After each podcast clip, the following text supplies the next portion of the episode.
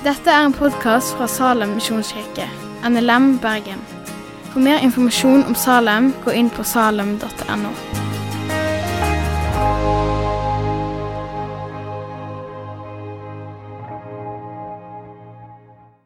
God søndag. Jeg håper at dere har det bra. Det er lenge siden vi har truffet hverandre nå. Og det gleder meg over at eh, i kveld så skal vi ha de første fysiske gudstjenestene i Salem. Eh, det blir òg de kommende søndagene framover. Og jeg vil oppmuntre deg til å lese på salem.no, sånn at du kan melde deg på. For vi trenger påmelding for å vite hvem som kommer, og hvor mange som kommer. Nå skal vi starte en ny taleserie eh, som skal gå noen uker. Eh, og det handler om penger. Og la meg si én ting helt klart først. Det handler ikke om at vi skal få dere der hjemme til å gi enda mer penger til Salem. For jeg må begynne med å si tusen hjertelig takk for den trofastheten dere viser i givertjeneste. Og Dette handler ikke om å få menigheten eller få kristne til å gi mer penger. Dette handler om å forkynne en glede. Det handler om å forkynne Jesus og hva han har å si om vårt forhold til penger. Vi gjør det ikke for at menigheten skal få mer penger, men vi gjør det for at medlemmene skal få et sunt forhold til dette som Jesus snakker veldig mye om, og som vi trenger å snakke om. Jeg skal snakke om dette i dag, og neste søndag er det pinse. Da skal Eivind Sætre tale til oss over pinseteksten. Og så kommer det to uker til der vi skal se på dette med hva Bibelen sier om penger. Og Før jeg starter, så har jeg veldig lyst til å anbefale ei bok. For jeg, jeg, får veldig mye ut av å lese, og jeg er veldig glad i å lese. Og jeg har lyst til å anbefale ei bok eh, som heter 'Redeeming Money' av Paul David Tripp. En av de beste bøkene jeg har lest i år, og en av de beste jeg har lest om penger. Så hvis du er glad i å lese, så anbefaler jeg veldig at du får tak i denne og leser den. Vi skal starte med å lese teksten som jeg har valgt for eh, dagen i dag. Det er fra 1. Timoteus, og det er kapittel 6. Vi leser vers 3-10, og så hopper vi til vers 17 og leser til og med 19. I Jesu navn. Den som kommer med en annen lære, og ikke holder fast ved vår Herre Jesu Kristi sunne ord og den lære som hører gudsfrykten til, er hovmodig og skjønner ingenting. Han er bare syk etter diskusjon og ordkrig. Og dette skaper misunnelse, ufred, beskyldninger, onde mistanker og stadig krangel mellom mennesker som har mistet dømmekraften og har kommet bort fra sannheten. De mener gudsfrykt er en vei til vinning. Ja, gudsfrykt med nøysomhet er en stor vinning. For tomhendte kommer inn i verden, og tomhendte må vi forlate den. Har vi mat og klær, skal vi nøye oss med det. Men de som vil bli rike, faller i fristelser og snarer og gripes av mange slags tåpelige og skadelige begjær som styrter menneskene ned i undergang og fortapelse. For kjærligheten til penger er roten til alt ondt. Drevet av den er mange ført vill, bort fra troen og har påført seg selv mange lidelser. Så hopper vi til vers 17. Forman dem som er rike i denne verden, at de ikke må være overmodige og ikke sette sitt håp til den usikre rikdommen, men til Gud, Han som gir oss rikelig av alt for at vi skal nyte det. De skal gjøre godt, være rike på gode gjerninger, være gavmilde og dele med andre.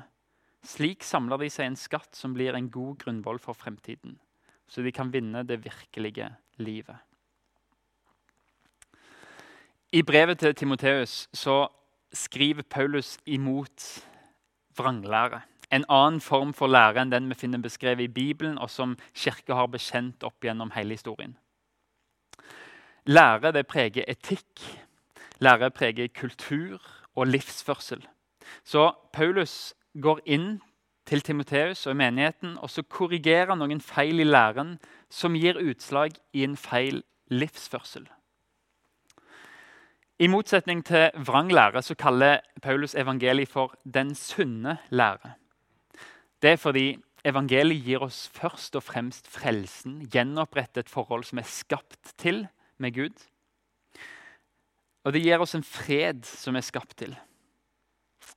Men det er òg fordi at evangeliet er en sprengkraft i mennesker. Det er dynamitt, det er Guds dynamitt som smelter fordommer sitt isfjell. Det forandrer tanke, det forandrer sinn og holdninger, og dermed òg handlinger. Evangeliet, den sunne lære, kan ved Guds nåde hjelpe mennesker ut av avhengigheter, ut av fangenskap, inn i forsoning, inn i tilgivelse.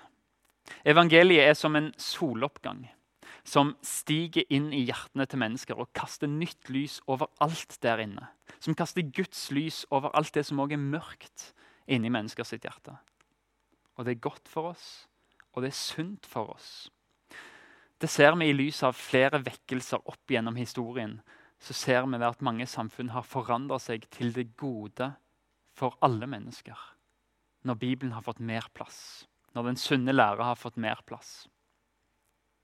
Når det kommer til penger, så kan et misforstått evangelium vise seg i flere holdninger. En kan tenke at en må være asket, altså frivillig fattig, for å komme inn til himmelen. Eller på andre siden, en kan tenke at det å leve under Guds velsignelse det viser seg i, i økonomisk velferd. De mener gudsfrykten er en vei til vinning. Begge disse grøftene har fulgt Kirka sin smale vei gjennom hele historien. Men evangeliet viser oss den rette veien, den sunne veien. Viser oss en annen måte å tenke om penger. Ja, gudsfrykt med nøysomhet er en stor vinning. For tomhendte kommer inn i denne verden, og tomhendte må vi forlate den. Har vi mat og klær, så skal vi nøye oss med det. Det fins noe i det kristne budskapet som er en stor rikdom. Nemlig gudsfrykt med nøysomhet. Og hva legger vi i det begrepet? Gudsfrykt det handler om en holdning som lar Gud være Gud, og mennesket være menneske. Du gir Gud definisjonsmakten i livet ditt. Det er en stor gave når det kommer til vår egen verdifølelse. Fordi du lar ikke andre mennesker hva de tenker om deg, eller kanskje av og til hva du tenker om deg, få definere hva din verdi er. Men i Guds frykt så lar du Gud definere det. Og Han sier at du er så verdifull at han sendte sin eneste sønn, som han elska, til jord for å dø i ditt sted. Og Han sier at han elsker deg fordi han elsker deg. Ikke fordi du har gjort noe spesielt. Nei, for Gud så er din eksistens nok. Det er en stor nok verdi for Gud til å elske deg. Du slipper å prestere. Sånn er Guds frykt en holdning i oss. En holdning som gir Gud makten til å definere, men òg til å definere etikk og livsførsel. Selv om det er skummelt, så handler det om å gi definisjonsmakten over til skaperen. Han som har skapt universet, han som har bruksanvisningen på mennesker og på forholdet mellom mennesker. Vi skal ha denne gudsfrykten med nøysomhet. Nøysomhet det er tilfredshet. De stoiske filosofene det var et av deres favorittord. Nøysomhet. Det innebærer at du med en trygghet kan møte verden uansett hvilke omstendigheter du er i. Hvis du er tilfreds, så er det ikke mulig å bli rikere. Hva som enn skjer rundt deg, så er du trygg, for freden din kommer ikke av omstendigheter, men fra det Gud vil gi deg og si om deg. Det er rikdom. For da savner du dypest sett ingenting. Og du trakter ikke etter noe mer.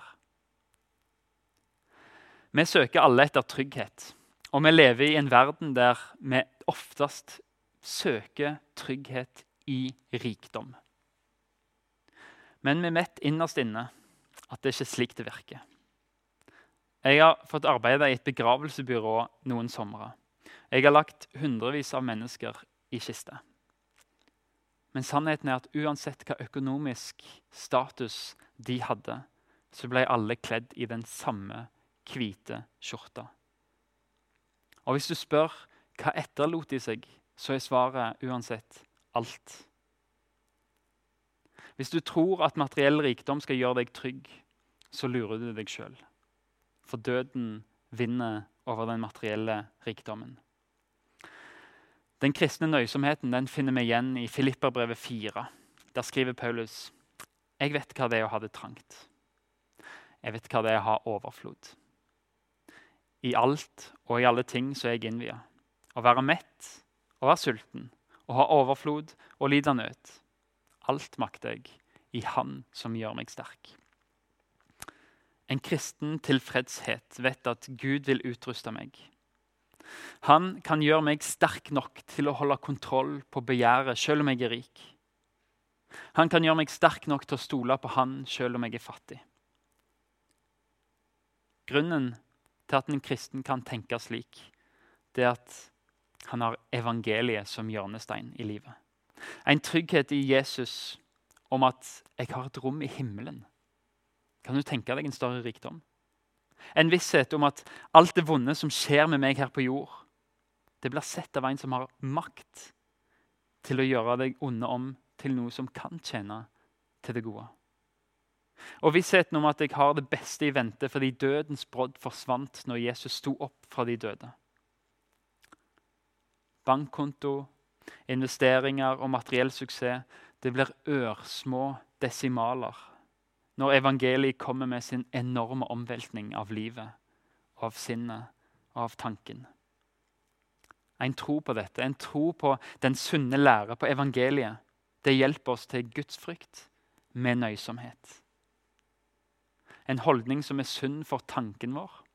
En holdning som er sunn for vårt sinn, vår psykiske helse. Du er elska uansett. Det hviler i det.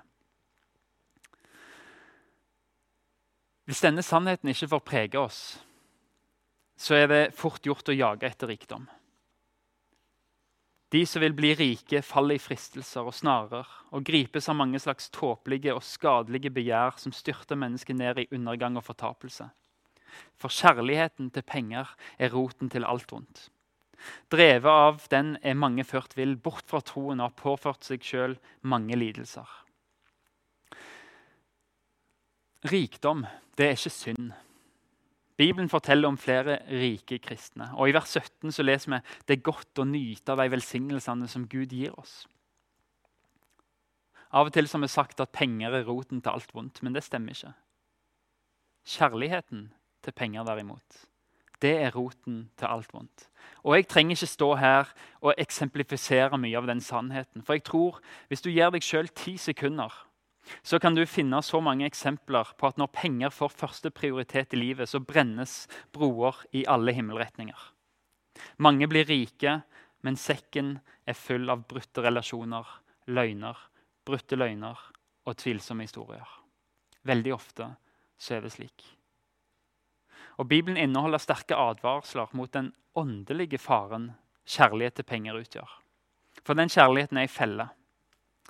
Når jeg var liten, så lagde jeg fuglefeller. Det var kanskje ikke snilt gjort, men jeg tok fiskesen og bandt sammen i en sånn liten løkke som gjorde at når en fugl satte seg på et tre der det var bær og skulle spise, så hekta han foten fast, og når han skulle fly, så stramma løkka seg, og fuglen var fanga. Han så ikke engang fella. Han så ikke snaren. Det samme ordet bruker Bibelen om kjærligheten etter penger. Det er en sånn snare, ei sånn felle. Du blir fanga i begjæret etter mer. Penger kan gjøre så mye for oss. For oss sjøl. Og jeg lurer på om vi elsker penger mer enn vi burde fordi vi elsker oss sjøl mer enn vi elsker Han som har skapt oss, og som eier alt. Når du elsker deg sjøl, så er det fort gjort å elske penger fordi du kan hengi deg til kjærligheten til deg sjøl. Når du elsker deg sjøl, så elsker du penger fordi det gjør at du trenger ikke fornekte deg sjøl noen ting. Du har råd til det. Kanskje er det slik at vi av og til er veldig glad i penger fordi vi er veldig, veldig glad i oss sjøl. Rikdom kan fort bli en dyrkelse av, av deg sjøl. Og du rigger deg til som din egen gud, som gir trygghet, komfort og kanskje sjølrealisering fordi du har råd til det. Kjærligheten til penger det er en livsstil som, som glemmer evigheten. Som er egoistisk, og som prioriterer nåtiden mer enn livets utgang. Du kan si at du har en teologi om at du setter Gud først. Men veldig ofte så er livsstilen bevis på noe annet. Du lever som om Gud ikke finnes, og gir deg sjøl dermed rett til å skrive dine egne regler. Kjærligheten til penger driver fram en sjølforherligende livsstil og et konstant jag etter mer. Og når penger får den plassen i livet, bevisst eller ubevisst, så tar pengene Guds plass. Og det er fella. For du er lurt til å tro at penger skal gi deg det du lengter etter. Men de har aldri makt til å gjøre det Gud var tenkt å gjøre i ditt liv. Og det som Gud vil gjøre i ditt liv. Dermed blir du aldri tilfreds. Vokt deg for den fella. Der du blir blinda av penger. Der du velger jobb ikke med utgangspunkt i hva du er skapt til, hva du er god til, hva du er utrusta til, men på grunnlag av lønnen som du får, og som gir status. Kanskje blir du overmodig når du er rik og tenker at du, du, du trenger ikke noe mer. Du trenger ingen andre, og iallfall ikke Gud, for du har alt det du trenger. Kanskje legger du din identitet i rikdommen din. Du jager stadig etter mer fordi penger gir deg status. Men når de ikke tilfredsstiller, så hopper du inn i hamsterhjulet og prøver mer og sliter deg helt ut. Og rikdom har en evne til å gjøre at du ser ned på andre. Dette gjelder ikke alle. Jeg generaliserer veldig i denne talen. Men, men det hender, og det er fort gjort å se ned på andre. Det å ta sannheten 'du har mindre penger enn meg', det kan fort bli til 'jeg er bedre enn deg'. Du legger sikkerheten din i penger. Og du føler du har en kontroll i en verden som ikke kan kontrolleres. Du kan likevel ikke legge et eneste minutt av din livslengde til. Penger det stopper ikke død, det stopper ikke tragedie, og det kan ikke redde brutte relasjoner.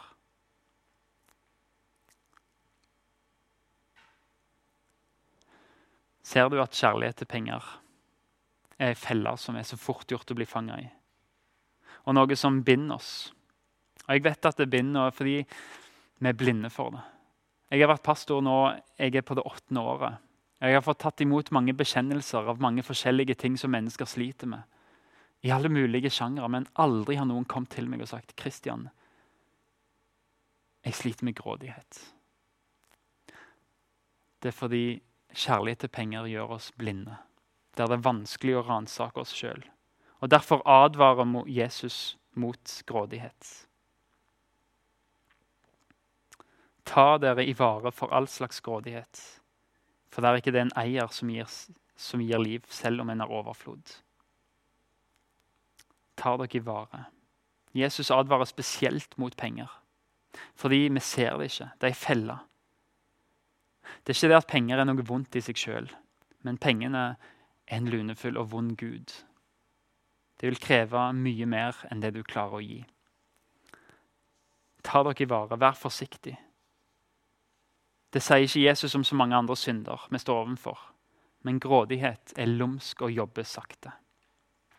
De som vil bli rike, faller i fristelser og snarere og gripes av mange slags tåpelige og skadelige begjær som styrter mennesket ned i utgang og fortapelse. Ned i undergang og fortapelse. For kjærlighet til penger er roten til alt ondt. Drevet av den er mange ført vill, bort fra troen og har påført seg selv mange lidelser. Men hva skal vi gjøre, da? Jo, vi unngår fella med den sunne lære. Med evangeliet om nåden, om Jesus som var rik, og som hadde himmelriket, men som sa det fra seg for å berge oss. Som gjorde seg sjøl fattig. Selv om han var rik, så ble han fattig for å gi oss sin rett til å være Guds barn og dermed Guds arvinger. Og det skaper en tilfredshet som kan berge oss fra den fella. Å se at vi har alt det i Jesus, det er rikdommen. Den eneste rikdommen som får deg til å smile mot verden i alle omstendigheter. Til slutt så skriver Paulus.: Forman dem som er rike i verden. At de ikke må være overmodige og ikke sette sitt håp til den usikre rikdommen, men til Gud. Han som gir oss rikelig av alt for at vi skal nyte det. De skal gjøre godt, være rike på gode gjerninger, være gavmilde og dele med andre. Slik samler de seg en skatt som blir en god grunnvoll for fremtiden, så de kan vinne det virkelige livet. Når evangeliet får bli en hjørnestein i livet ditt, så blir ikke penger ei felle. Men Gud gjør det om til et verktøy for det gode. Og Da ser vi at sann rikdom, det er å bruke den rikdommen du har, for å bli rik på gode gjerninger, til Guds ære. Da speiler vi den sjenerøsiteten Jesus har vist for oss med å legge ned sitt liv, og vi speiler den med å vise den til andre mennesker. Det kan være et vitnesbyrd om en som ga seg sjøl for deg. En som var rik, men som ble fattig og naken for deg. Det er Guds evangelium som forandrer måten vi tenker om penger, og som gir oss en trygghet i det som er evig, ikke i det som er midlertidig. Hva evangeliet sier til hjertet ditt, det setter deg fri til å la penger bli et verktøy til det gode. Skjønnheten med nåden det er at den frelser deg ikke bare, men den gir deg en trygg identitet som gjør at du har råd til å være sjenerøs uten at det preger din verdi fordi du blir fattigere. Du vil nok falle for fristelser mange ganger i livet. Men nåden, den vil avsløre deg igjen. Den vil dømme deg igjen. Den vil tilgi deg igjen, utruste deg igjen. Den vil omfavne deg med Guds kjærlighet. Og den vil huske hvem du er, og hva du er blitt gitt. Og så vil den sunne læren hjelpe deg til å forvalte det du har blitt betrodd, på en måte som etterligner Jesu offer for deg. Hold blikket festa der. Hold blikket festa på nåden, på Jesus, så vil dine penger bli et verktøy til det gode Gud gjør i verden. Det blir et verktøy for Guds velsignelse over deg og mennesker rundt deg. Takk for at du har hørt på podkasten fra Salem, Bergen. I Salem vil vi vinne, bevare, utruste og sende, til Guds ære. Vi ønsker å se mennesker finne fellesskap, møte Jesus og bli disippelgjort her i Bergen og i resten av verden. Vil du vite mer om oss, gå inn på salem.no.